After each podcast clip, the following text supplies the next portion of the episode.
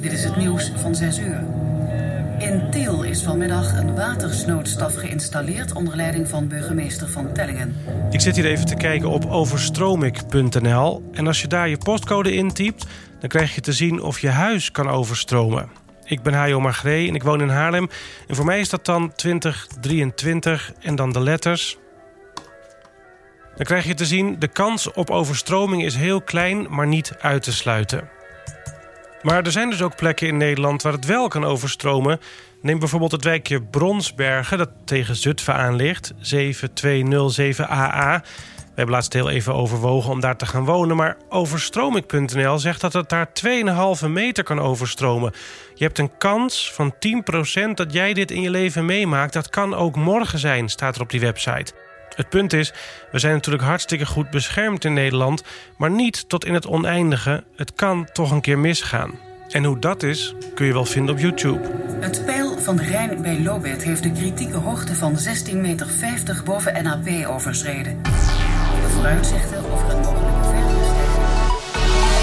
Over water en klimaat, de toekomst van onze delta.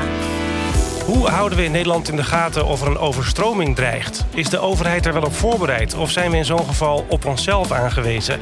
Wie beslist er eigenlijk of iedereen zijn huis uit moet en of het leger wordt ingezet? Deze aflevering gaat over de crisis van een overstroming. Wat doen we in Nederland om te zorgen dat we droge voeten houden? Hoe zorgen we voor voldoende water in droge tijden? Is Nederland voorbereid op een veranderend klimaat? Daarover praten we in Over Water en Klimaat, de podcast van het Delta-programma. Voor deze podcast spreek ik mensen die elke dag met water bezig zijn. En die mensen die spreek ik hier in Goes tijdens het Delta-congres in de Zeelandhallen. Ik maak deze podcast in opdracht van het Delta-programma... en daarin staan de plannen van de overheid om te zorgen voor genoeg zoetwater... en te zorgen dat we ons land zo inrichten dat we voorbereid zijn op grotere droogte... hogere temperaturen en hardere regenbuien. Maar ook de plannen om Nederland te beschermen tegen overstromingen. Dat kan toch een keer misgaan. En deze aflevering gaat dus over zo'n moment. De crisis van een overstroming. Want ook de plannen voor het afhandelen van een eventuele overstroming... zijn onderdeel van het Delta-programma. En we hebben hier aan tafel eigenlijk ook meteen een beetje een crisis... want we hebben bedacht dat we zo'n dreigende overstroming nu na gaan spelen hier aan tafel. En er zijn best veel mensen bij betrokken... die bijna allemaal hier aan tafel zitten... Dus het is een beetje proppen. Welkom allemaal. Goedemorgen. Hallo. Laat ik jullie eerst eens even voorstellen. Te beginnen bij Hisso Homan van het KNMI. Wat is jouw rol hier aan tafel vandaag? Uh, nou, ik ben meteoroloog en ook uh, crisiscoördinator vanuit het KNMI. Uh, nou, zoals we weten, elke watercrisis begint met het weer. Of bij het gebrek aan weer, soms ook met de droogte, zoals we vorig jaar hebben gezien. of, of die dreiging nou vanuit de zee komt of vanuit de rivieren. we zien natuurlijk, ja, het meeste weer zien we wel ruim van tevoren aankomen. Oké, en naast jou zit Jaap Verwij uh, van Watermanagement Centrum Nederland. Wat is dat en wat doen jullie daar? Daarin werken de waterschappen, het KNMI en Rijkswaterstaat landelijk samen. We zorgen voor de monitoring van de landelijke watersystemen. Denk aan de Noordzee of het IJsselmeer en de grote rivieren. En wij zorgen over, voor de landelijke berichtgeving over het water. Zelf ben ik lid van de Landelijke Coördinatiecommissie Overstromingsdreiging, de LCO. Oké, we komen zo bij jou terug. Dan als derde Marcel Matthijssen van de Veiligheidsregio Zeeland. Wat is jouw rol vandaag in ons rollenspel? Nou, mijn rol is om vanuit de Veiligheidsregio de crisisbeheersingskant... dus als het fout gaat, wat gaan we dan doen? En uh, daar zijn we dan uh, als veiligheidsregio's in dit land uh, druk mee bezig op dit moment. Oké, okay, dankjewel. En helemaal rechts van mij zit Jeroen Meijering. En wat is jouw functie? vandaag operationeel leider. Het betekent dat je namens de veiligheidsregio uh, operationele leiding geeft aan alle diensten die betrokken zijn bij de bestrijding van het komende incident. Oké. Okay. Nou, een podcast met zoveel stemmen aan tafel kan een beetje verwarrend zijn voor de luisteraar. Dus ik ga proberen jullie steeds niet alleen bij naam te noemen, maar ook bij de functie. En mocht ik dat nou vergeten, help me dan even. Straks hoor je trouwens ook nog een reportage van onze verslaggever over een echte overstroming, maar dan van een flink aantal jaren geleden. We gaan het dus hebben over een fictieve overstroming. Over wat eraan vooraf gaat. Wat er gebeurt op het moment zelf. En wat er daarna gebeurt. En daarom begin ik dus bij Hisso Homan van het KNMI. Vertel even, wat is ons scenario? Waar bevinden we ons? En wat voor weer is het? Ja, momenteel is het nog uh, rustig. Uh, maar goed, uh, voor vandaag en morgen weten we nou alles wel vrij zeker. Maar we kijken natuurlijk ook verder in de toekomst. We kunnen natuurlijk ook met onze computermodellen, onze weermodellen... kunnen we natuurlijk ook een eindje in de toekomst kijken. Vaak kijken we gewoon 10, 15 dagen vooruit. En dan zie je soms al de eerste signalen op extreem weer. In dit geval ja, focussen we ons op, op de zware storm die ons mogelijk gaat bedreigen. Uh, maar goed, aangezien het nog ver weg is, is nog heel veel onzeker over de koers, over de sterkte, uh, over de timing van die storm, zeg maar. Want dat zijn allemaal wel factoren die bepalend zijn voor uiteindelijk ja, de waterstand. En uiteindelijk hoe dichterbij je komt. Hè, dus als je bijvoorbeeld binnen de vijf dagen komt, dan wordt alles steeds zekerder. Hè, dan, dan, dan, verdwijnen die onzekerheden een beetje. Dan weet je ongeveer hoe die storm gaat lopen, wat ook de windrichting wordt, wat ook de timing wordt. Hetgeen weer ook weer voor de uh, ja, wateropzet, zoals we dat noemen langs de kust. Uh, wat, is wateropzet? Nou, dat is, uh, kijk, als er geen wind zou zijn, heb je natuurlijk hoog en laag water. Dat kun je gewoon uitrekenen. Dat is gewoon de zon en maan. Dat is gewoon het getij. Maar er is wel wind. Dus je hebt altijd ja, als bijvoorbeeld de wind naar de kust toe waait, komt er altijd water bij. Zeg maar. Dus dan heb je een verhoging.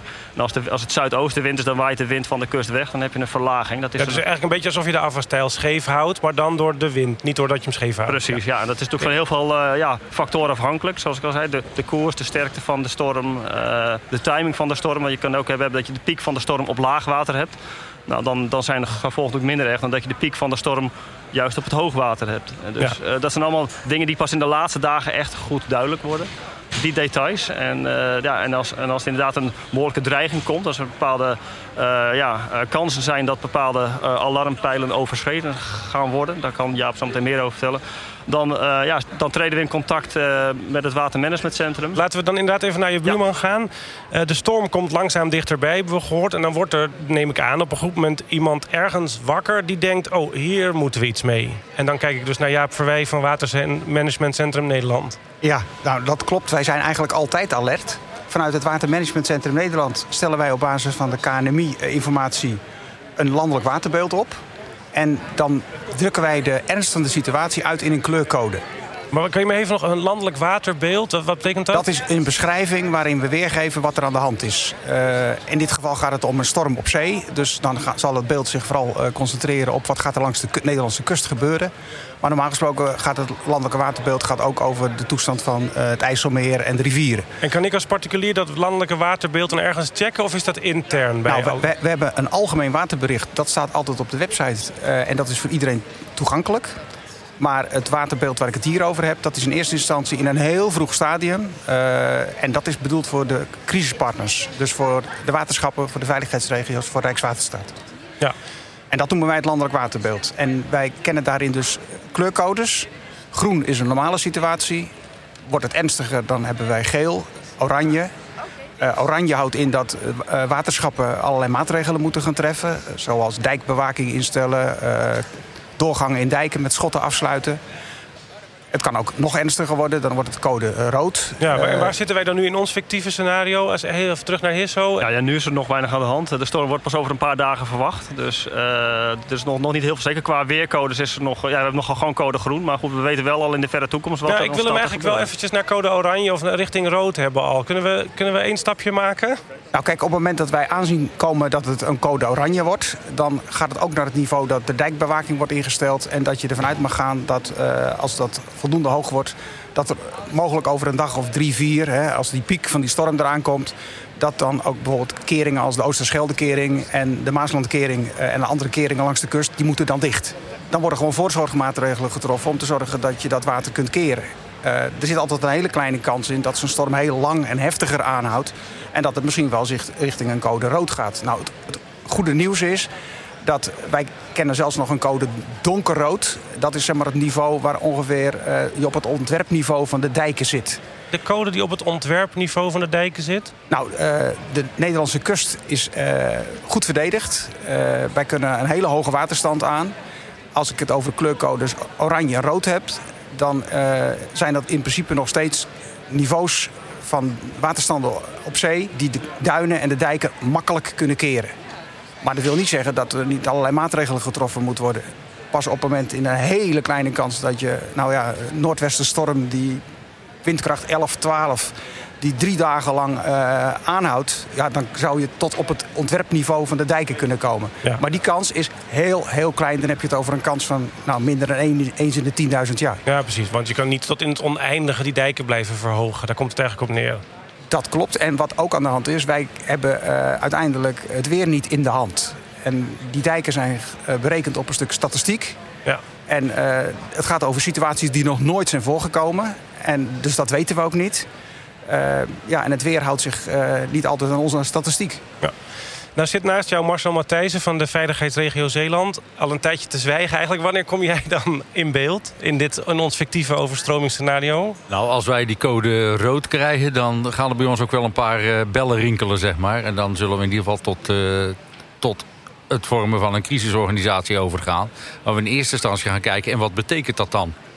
En dat doet iedere veiligheidsregio in Nederland. Dus ja, dat, daar hebben we er 25 van. Dat was inderdaad mijn volgende vraag. Ik ken het begrip veiligheidsregio een beetje... maar kun je even uitleggen voor wie dat niet weet wat dat is? We zijn een samenwerkingsverband, eigenlijk verplicht...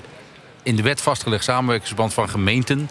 Uh, met als opdracht ons voor te bereiden op uh, rampen en crisis. Maar ook gewoon de brand. Want de brandweer is ook een onderdeel van de veiligheidsregio. Naast geneeskunde, hulpverlening, ja. bevolkingszorg... zijn allemaal elementen die... Ja, wij hebben het nu over een overstroming... maar de veiligheidsregio is breder is, dan... Is ja. breder. Dus er zijn ook de hulpdiensten, zeg maar komen dan ook bij elkaar. We, zijn we, we, we gaan uh, kijken wat zo'n kleurcode dan voor ons betekent. Kan je me eens meenemen in wat er dan gebeurt in je organisatie? Nou, dan zullen we in eerste instantie uh, gaan kijken van uh, wat is er over vijf dagen, hoe ziet Zeeland er over vijf dagen uit? Dus wat is er? Uh, als bijvoorbeeld rond de kerst is, dan zullen we heel veel toeristen hebben. Nou, dat geeft een ander beeld dan een ander moment dat dat niet zo is. Um, we gaan een crisisorganisatie bij elkaar roepen, bestaand uit een beleidsteam en een operationeel team. Beleidsteam bestaat uit burgemeesters, dus in ons geval 13 burgemeesters in Zeeland, die bij elkaar komen om te kijken van nou, wat betekent dit en ja, wat, wat gaan wij doen nu? Hè? Doen we niks? Wachten we af totdat we het zeker weten? Of gaan we nu tot actie over? Want ja, de tijd is, uh, die we nodig hebben om maatregelen te nemen... die speelt natuurlijk ook een rol. Oké, laten we het weerbericht er nog even bijhalen dan. Hoe, want nu zou ik dan voor mijn verhaal wel ongeveer in die storm willen zitten. Hoe erg is het? In de storm, nou ja, kijk, daar, hebben we modellen voor. Dus we kunnen zien uh, hoe hard het waait op de Noordzee en, en, langs de Nederlandse kust. Ja, hier zo homo van het KNMI horen we nu, hè? Ja. Dus, uh, dus nee, we hebben zelf inmiddels al een, uh, een code oranje uitgegeven. Om even met de situatie mee te gaan, zeg maar. Dus, en we denken eraan om een code rood uit te geven. Dus dan ook echt ja, behoorlijke impact op de maatschappij betekent dat dan. Dus, maar we zijn inmiddels al uh, ja, ook aanwezig op het WMCN in Lelystad. Uh, waarbij we dus echt die laatste timing van die storm echt heel goed uh, in de gaten proberen te kijken. Want ja, daarbij proberen we natuurlijk heel goed samen op te trekken met het WMCN. En het watermanagementcentrum zit dan nu op code rood? Nou kijk, de, de codes worden pas naar buiten uitgebracht op het moment dat er bepaalde zekerheid over is. Uh, maar dat betekent dat je intern natuurlijk wel die waarschuwing hebt. Maar laat ik meegaan in het verhaal. Uh, dan gaan wij bijvoorbeeld nu ook een code rood afgeven. Uh, maar dat, formeel wordt dat besloten door het niveau van de minister. Dus dat betekent dat wij achter de schermen allang uh, ook uh, het hele circuit in, in Den Haag hebben geïnformeerd. Ja, ik heb dat dan nu gehoord van de minister. Spelen we even. er is een code uh, rood. Dat gaat ook onmiddellijk naar de veiligheidsregio. Maar dan komt onze laatste spreker, Jeroen Meijering, ook nog aan bod. Want jij bent hoofd van het regionaal operationeel team. Wanneer krijg jij nu een piepje dan? En wat ga je dan doen? Ja, die zit hem, zit hem in de mix van wat, van wat Marcel op een gegeven moment vertelde. Dat je, dat je volgt natuurlijk dat stijgen van die code. Dus dat geel, oranje, rood. Je wordt dan wel wakker. En de mensen, de mensen verzamelen zich en uh, die kijken mee wat er bij het KNMI en, en bij Rijkswaterstaat allemaal gebeurt. Uh, je hebt natuurlijk je voorbereiding gehad van alle jaren waarbij je dit soort scenario's al met elkaar bedacht hebt. Uh, en ook de, en dat vond ik wel aardig van de kennis van nu, dat je ook de onderzoeken die, die er nu zijn uh, qua evacuatie van mensen, dat je dat ook weet. Dat je, dat je weet hoe mensen acteren, hoe mensen uh, gaan doen. Nou, vertel eens dan, wat weten we daarover?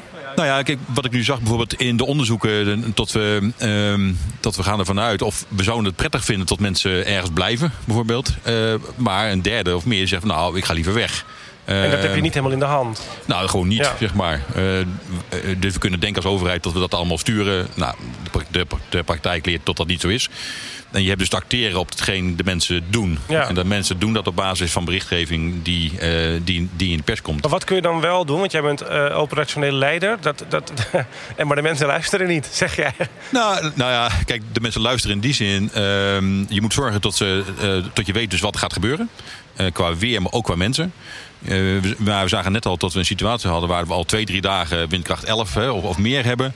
Dan is er al wat meer aan de hand. hè. Dan waaien er al bomen om, dan waaien er daken kapot. Dus het is een onrustige situatie Ja. in, je, in, eh, in jouw gebied.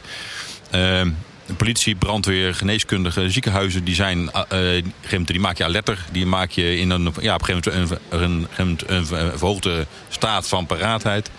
Eh, waarbij je moet zorgen dat in ieder geval de wegen open blijven, tot de wegen schoon blijven, tot, tot het ziekenhuis begaanbaar blijft, tot je drinkwater er blijft. Dat je, maar dat je even, laten we dit helemaal even praktisch maken. Hoe zorg je dan dat de wegen... Want je bedoelt, er vallen bomen, Bomen. bijvoorbeeld overheen. En dat betekent dat... Wie gaat dat weghalen Eh, dan? de gemeente, eh, de brandweer, wellicht de defensie zelfs, eh, tot, je, tot je nodig hebt. eh, om dat in ieder geval te borgen. Ja. Dus tot, tot de wegen in Zeeland in dit geval eh, open blijven. Want er ligt op dat moment al een direct lijntje met Defensie. Eh, altijd. Altijd, altijd. nu ook. Nu. Eh, nu ook, ja. Die is er, eh, begint defensie is gewoon een standaard onderdeel eh, van onze hulpverleningsketen. Oké.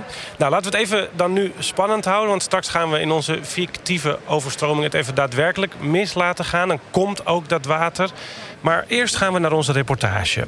Wat moet je doen als het heel hard begint te regenen... en het water op een gegeven moment niet meer weg wil? Kwekers in het Westland hebben dat meegemaakt. Nu ongeveer 20 jaar geleden. Toen stroomde het water de kassen in... en dat zorgde voor grote schade aan de planten. Hoe kijken de kwekers daarop terug? Aad Toussaint teelde anjers in zijn kassenbedrijf.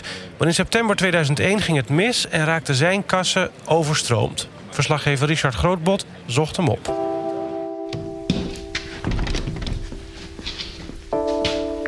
Toussaint trekt zijn schoenen aan. Want eh, ja, waar u nu woont... U bent nu hoe lang geen kweker meer? Ik ben eh, eh, 1 januari 2008 eh, heb ik mijn bedrijf verkocht. Maar u woont nu nog steeds helemaal midden tussen de... We zitten echt omringd door de kassen hier. Ja, wij, wij ervaren de kassen niet eh, als, een, eh, als een probleem. Eh, we zijn, eh, mijn vrouw ook, is opgegroeid in het eh, Westland. Is ook een tuindersdochter. Ehm, we vinden het eigenlijk heerlijk om eh, tussen de kassen te wonen. Dus ja, de rust tussen de kassen, zeg maar. Kunnen we even naar binnen gaan? Want ehm, ik zag dat u fotoboeken heeft uit die periode, 2001. De tijd van de overstroming. Ja. Ehm, eh, kunt u me aan de hand van die foto's laten zien wanneer u dacht... nou, dit gaat helemaal mis? Dat was plus minus eh, om half zes. Eh, toen stond eigenlijk eh, alles eh, rondom het huis stond al blank. tot aan de rand van het bedrijf. Dat deed mijn besluit om te vragen van... wat, wat doet het gemaal om deze problematiek ja, op te lossen?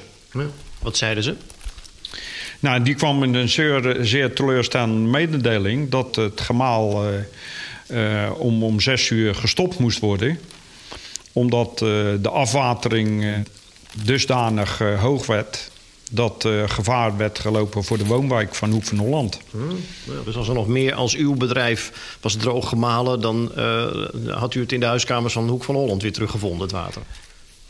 Ja, dat had, dat had voor die mensen ook vervelend geweest. Maar nu, was het voor, eh, nu werd eh, de keuze gemaakt dat de bedrijven mm, die het laagst gelegen waren, dat daar de schade zou gaan ontstaan. Ja, dat is ook gebeurd hè, bij u. En dat is inderdaad ook gebeurd, ja. Ehm, hier is een foto die dat eh, goed schetst. Ehm, er is geen onderscheid meer tussen het betonpad en de teelt die in de bedden staat. Alles staat onder water. Wat dacht u toen u dit zag? Ja, ik, ik was eh, ja, vooral heel boos dat wij eigenlijk te dupe waren eh, van dit besluit. Ik zie een grote foto, een rode auto, een hele Ja. mooie oude brandweerwagen is dit. Ja, ik had eh, een vriend opgetrommeld. En zoals u ziet had hij een oude brandweerwagen. En die had een hele goede zuigpomp. Al het water, eh, overtollige water, werd verzameld in, in zeg maar, drainageputten. En daar, eh, hadden we de brandweerauto met de pomp ingangen... om zo snel mogelijk het water eh, uit het bedrijf te pompen. Heeft u nog wat van uw planten kunnen redden? Plus minus eh, 40% van de teelt is verloren gegaan. De overige 60% hebben we kunnen redden. Maar die hebben ook eigenlijk in de loop van het jaar... niet meer een maximale productie konden, kunnen geven. En was u hiervoor verzekerd? Kun je hiervoor verzekerd zijn? Je, je- eh, dit zijn calamiteiten veroorzaakt door eh, natuurrampen. Daar kun je eigenlijk niet voor verzekeren. Nee. Jongen. Ja, dan volgden gewoon weer gesprekken met de bank. En na, na eh, een aantal eh, sessies eh, gesproken te hebben... en cijfers vanuit de boekhouding te hebben overgelegd... eh, hebben ze de schade eigenlijk op zich genomen. Ik wil toch graag met u even weer naar buiten, als dat kan. Want Ja. ja, u woont echt letterlijk aan het water hier. U woont vlak naast... Dit is, dit is, dit is een waterberging, hè? Ja, vanaf de Maasdijk tot aan de Noordlandse weg liggen er vier van dit soort bekkens. Maar meneer, nou heeft u toch grote waterproblemen gehad. En nou woont u aan het waterbassin. Ja. Bent u nou niet bang dat het weer binnen gaat komen? Nee, hier, ehm, de problematiek is eh, door Delfland eh, destijds eh, hier echt goed aangepakt. En ik zie eigenlijk de dag eh, voordat eh, zich een dag aandient waarin eh, hevige regenval wordt aangekondigd, dan zijn ze al aan het malen. Dan zijn ze al voormalen. En dan gedurende de dag zie je natuurlijk het peil stijgen, maar het overstijgt nooit de waterkeringen. Aad Toussaint was dat. Hij heeft zoveel vertrouwen in de aanpak van het waterschap... dat hij dus tussen de kassen is blijven wonen. Dan snel terug naar onze fictieve overstroming. Want we zitten er nog steeds middenin. Ehm, s- ik ga nu iedereen mag antwoord geven die dat eh, logisch vindt vanuit zijn eh, rol en positie. Zijn we nu al aan het evacueren? Misschien moet ik dat dan bij jou vragen? Ehm, ik denk dat we wel eh, begint, eh, daarmee beginnen, ja. Eh, en, en wat ik net zei, dat zal een deel spontaan gebeuren. Ehm, en een deel zullen we, zullen we met name kijken van wie zit er in dat gebied die niet zelf weg kan. En wie zijn dat dan? Ehm, nou, mensen die ziek zijn, mensen die wat ouder zijn. eh, wellicht eh, verzorgingsachtige eh, huizen zijn. Daar gaat onze, onze grootste aandacht naar uit. Naast het monitoren van wat gebeurt er allemaal in dit gebied. Ja, en waarom, waarom klop je niet bij mij aan? Ik heb een gezin, drie jonge kinderen, eigenlijk twee, de derde op komst. En ik ben 42. maar waarom klop je dan niet bij mij Ehm, aan? Ja, aankloppen, in- maar in de zin van eh op een gegeven moment hulp, hulp bieden Ja. of hulp geven. Ja. Nou, dus we gaan ervan uit dat mensen van die leeftijd en die situatie eh, dus aardig zelf kunnen, eh, kunnen acteren. Die kun, maar die kunnen over het algemeen auto rijden. Die kunnen goed luisteren naar, naar, naar het nieuws, Twitter, eh, de hele toestand. Ehm, en zelf besluiten over wat, ze, wat ze moeten doen. Als we dat ook goed voorgelicht hebben. En met name de mensen die dat niet kunnen, ja, daar zal die eerste focus van ons op zijn. Ja. Hoe ga je dan de bevolking informeren?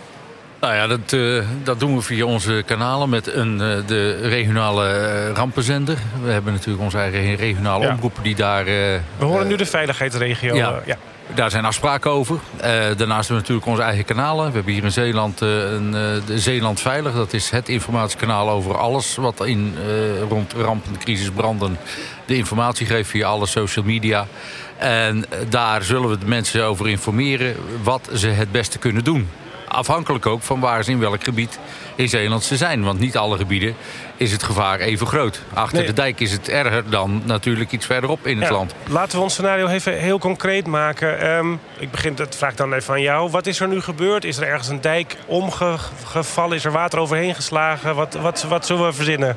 Oké, stel, stel dat er ergens iets concreet mis is gegaan vanwege waterstanden in een zeer uitzonderlijke situatie. Eigenlijk moet je zeggen, want het heeft geen zin om maatregelen te treffen als het al fout gegaan is. Ja. Je moet feitelijk drie dagen van tevoren uiterlijk al knopen doorhakken. Of je mensen naar de zolder gaat sturen of dat ze het gebied moeten verlaten. En of die piek dan in Zeeland gaat vallen, of misschien in Zuid-Holland, of in Den Helder, of misschien zelfs wel in Friesland. Dat weet je van tevoren nooit helemaal exact, want dat is heel erg afhankelijk van eh, de storm. En op het moment dat je op zo'n dreigingsniveau zit, dat je richting de ontwerpniveaus van onze duinen en dijken gaat, dan mag je ervan uitgaan dat ook onze nationale crisisorganisatie eh, ja, geactiveerd is. Ja. En dat ook via het NOS-journaal de berichtgeving komt eh, van de landelijke crisisorganisaties Ja. over hoe te handelen. Kijk, maar, maar, maar als, als er ergens daadwerkelijk wat mis is, dan komt het uit de regio vandaan, bij het waterschap vandaan.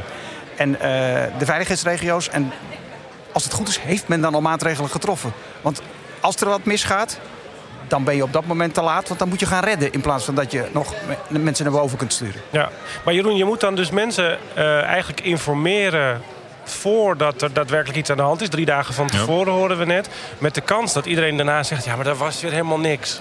Nou ja, dat is ook, dat is ook de oproep die wij elke keer hebben. Van, van, eh, en ook naar het KK niet bijvoorbeeld. Van, eh, jongens, zorg dat die begin voorspelling zo goed mogelijk is. Hè.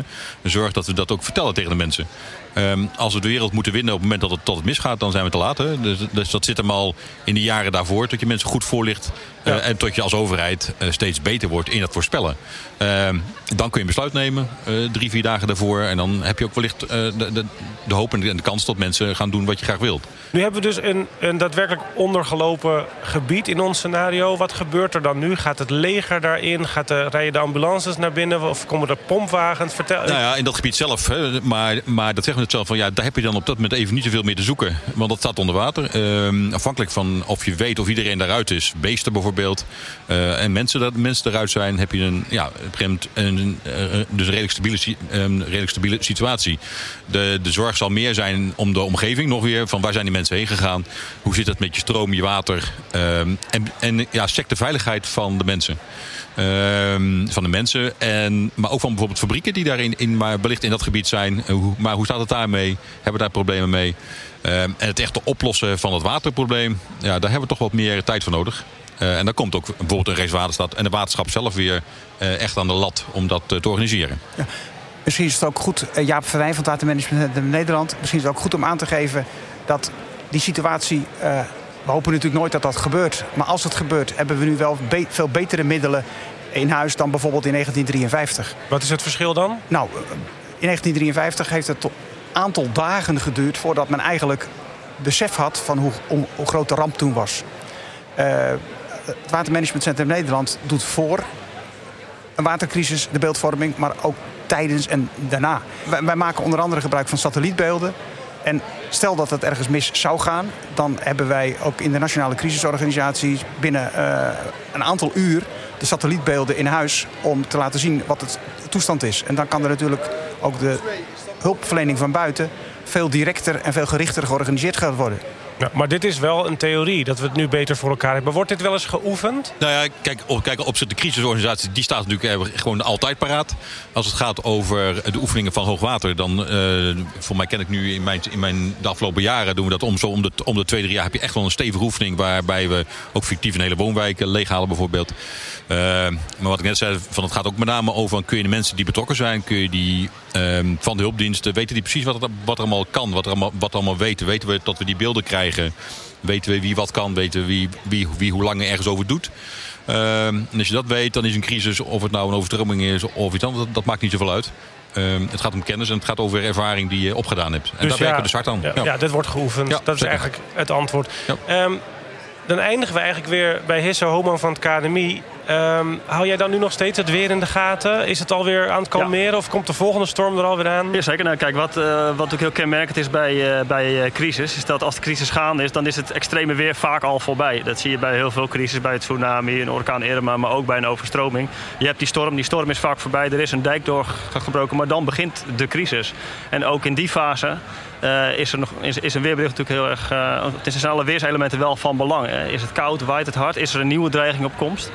Dat zijn wel elementen die, eh, ja, die meespelen gewoon. Je kan een aantal dagen van tevoren nooit 100% zekerheid garanderen dat die storm er komt. Je praat altijd in marges, zeg maar. Dus, dus dat is wel iets belangrijk om te weten. De modellen worden steeds, meet, eh, steeds beter. Eh, maar 100% eh, zekerheid. Want je moet een aantal dagen van tevoren moet je al maatregelen nemen. En dan heb je nog geen 100% zekerheid dat de storm daadwerkelijk ook op die manier gaat gebeuren. Ja, en daar moeten mensen dan maar mee leven. Dat ze soms een keer iets te vroeg gewaarschuwd worden. Beter dan... Better safe than sorry. Precies. Ja. Tot slot, en die vraag is dan een beetje aan, aan, aan jullie allemaal misschien. Ehm, wat zijn nou de beste tips voor als je weet dat je in een overstroombaar gebied woont? Wat ik aan het begin liet horen van dat overstroming.nl. Wat, wat moet je dan doen? Ik denk dat het heel belangrijk is dat, mensen zich bewust zijn dat ze in dat gebied wonen. En tot ze de, de, de, de informatie die erover beschikbaar is, tot ze die kennen. En tot, ze daar, tot je er ook in een gezin uh, over praat. En niet alleen in je gezin of, of in jouw wijk. Dat je met elkaar weet van oké, dit kan gebeuren. Wat gaan we dan doen? En tot je dan je koffie pakt. Nou, dat, dat is dan normaal. Dat snappen we. Dat begrijpen we. En tot je wat zorg hebt voor je buurman of buurvrouw. Dat je even checkt of die de berichtgeving heeft meegekregen. Ja. ja. absoluut. kan ik alleen maar uh, aanvullen. Het gaat over uh, zelfredzaamheid. Het gaat over samenredzaamheid. Weten wat er, wat er kan gebeuren. Maar ook weten wat je kan doen. Dus kan je schuilen? Moet je weg? Nou, dat zijn, dat zijn dingen waar mensen over na kunnen denken nu. Ja. Uh, onder normale omstandigheden hebben we dat natuurlijk in Nederland uh, prima op orde met onze duinen en dijken. Uh, maar vooral in de, als er een crisissituatie is, dan is het vooral van belang om goed te luisteren naar de, de lokale overheid, de crisisorganisaties en de adviezen die, die je dan krijgt.